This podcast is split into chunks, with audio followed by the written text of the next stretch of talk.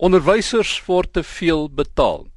Die bekende ekonom Dawie Rood van die Vision Groep het uh, gister weer behoorlik die knippel in die duiwelhok ingeslinger in 'n voorbladberig van 'n bekende dagblad. Nou nodeloos om te sê was sy reaksie op sy beweerde uitlatings ook onmiddellik en heftig. Die hoofsekretaris van die Suid-Afrikaanse Onderwysersunie, Chris Klopper, het vir Rood gemaan om hom by sy lees te hou. Môre Chris. Goeiemôre Kobus. En môre Dawie. Uh, goeiemôre Kobus en goeiemôre aan Chris. Dawie, wat presies het jy gesê? Wat is jou standpunt hier? Ja, Kobus, ja, onderwysers in Suid-Afrika word word hopeloos te veel betaal. Maar dit is 'n dit is 'n verskriklike veralgemening. Ek moet sommer net dadelik sê dat daar's baie onderwysers in Suid-Afrika wat hopeloos te min betaal word. Ons het uh, ek was al 'n paar keer te doen gehad met onderwysers. Was 'n dom keer al by skole gewees waar ek self al 'n paar klasse aangebied het en ek kan vir jou sê daar's baie pligsgetroue en baie hardwerkende onderwysers wat uitstekende produksie lewer en wat baie beter vergoed moet word. Die realiteit is egter as jy na Suid-Afrikaanse onderwysers kyk, die gemiddelde onderwyser en daar's 'n klomp vergelykings wat ek jou kan gee.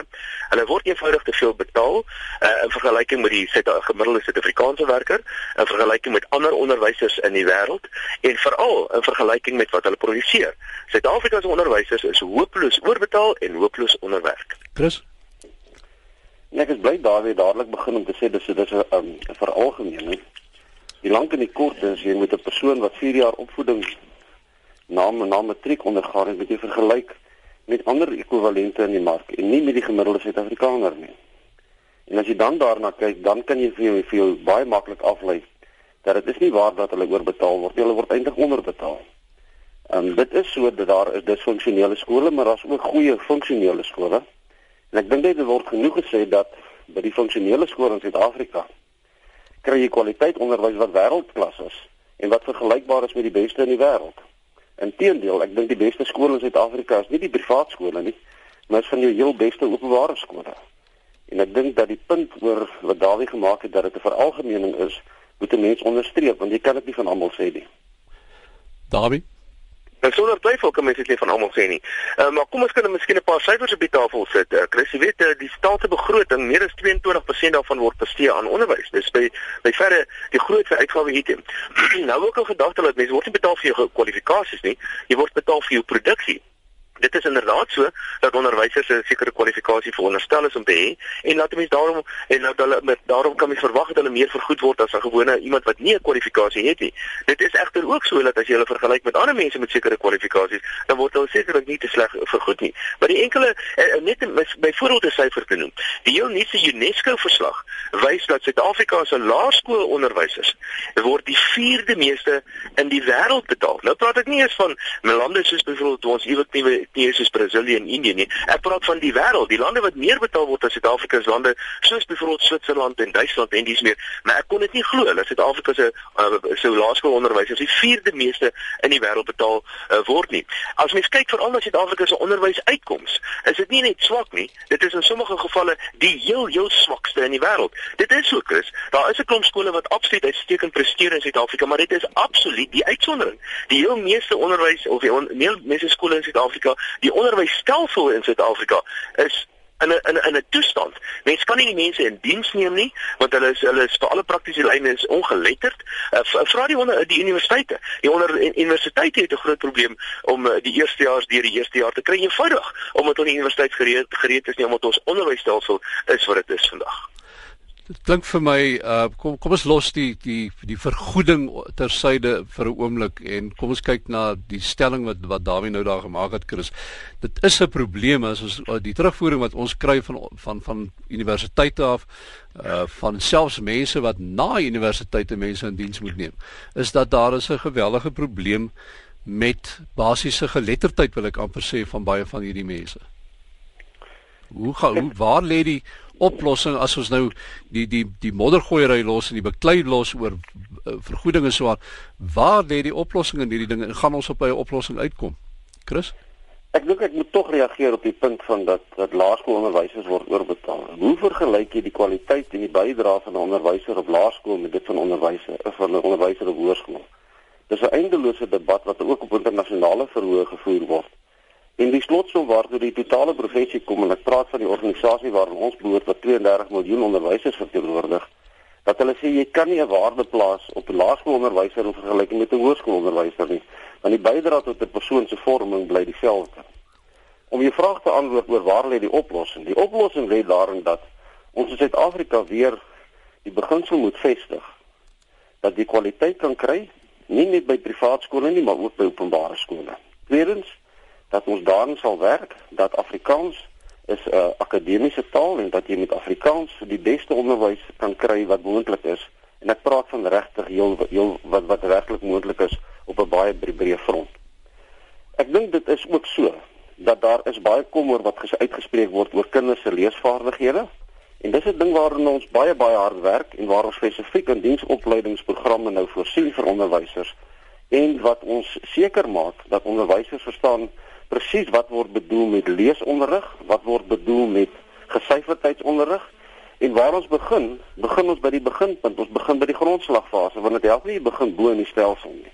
En dit bring jou weer terug na die beginsel van waar lê die waarde in die onderwys? Dit lê oor die totale spektrum en jy moet die totale spektrum aanspreek. Die vraag wat by my opkom is of ons altyd heeltemal eerlik is oor oor hierdie waar waar die probleem lê en waar hy nie lê nie.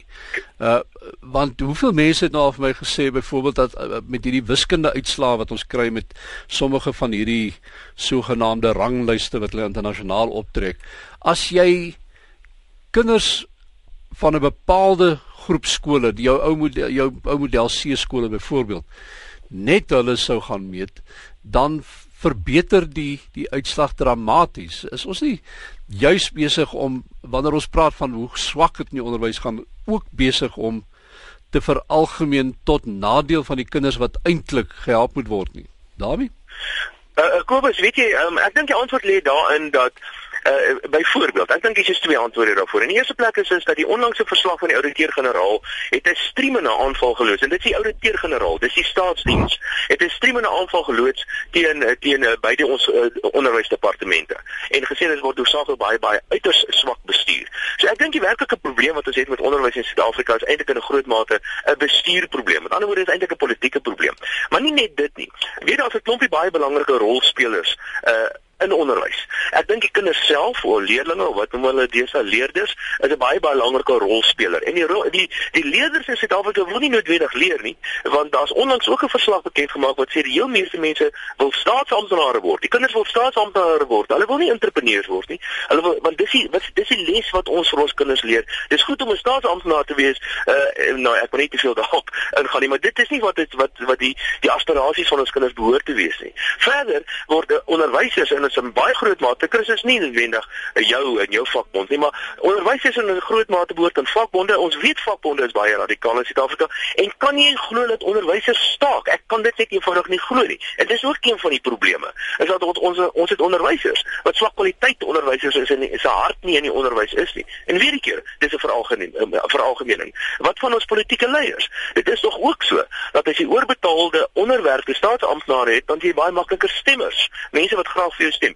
Dis die tipe van probleem. Ek dink ons het meer van 'n kultuurprobleem in Suid-Afrika en sekerlik in 'n groot mate 'n bestuursprobleem sover dit onderwys aanbetref. Die antwoord is sekerlik om die dissipline van die privaat of van die vrye mark op onderwys ook van toepassing te maak. Die sogenaamde eh, model C-skole presteer inderdaad baie baie goed want hulle het goeie onderwysers, hulle het goeie uh, ouers, hulle het goeie bestuur en ek dink die kinders is gemotiveerd. Maar dit is nie die reël nie. Dit is nie hoe dit in Suid-Afrika gaan nie. Die Suid-Afrikaanse gemiddelde kind kry eintlik baie baie swak onder onderwys en die gevolge daarvan is natuurlik baie negatief vir die ekonomie. Chris Kloppe.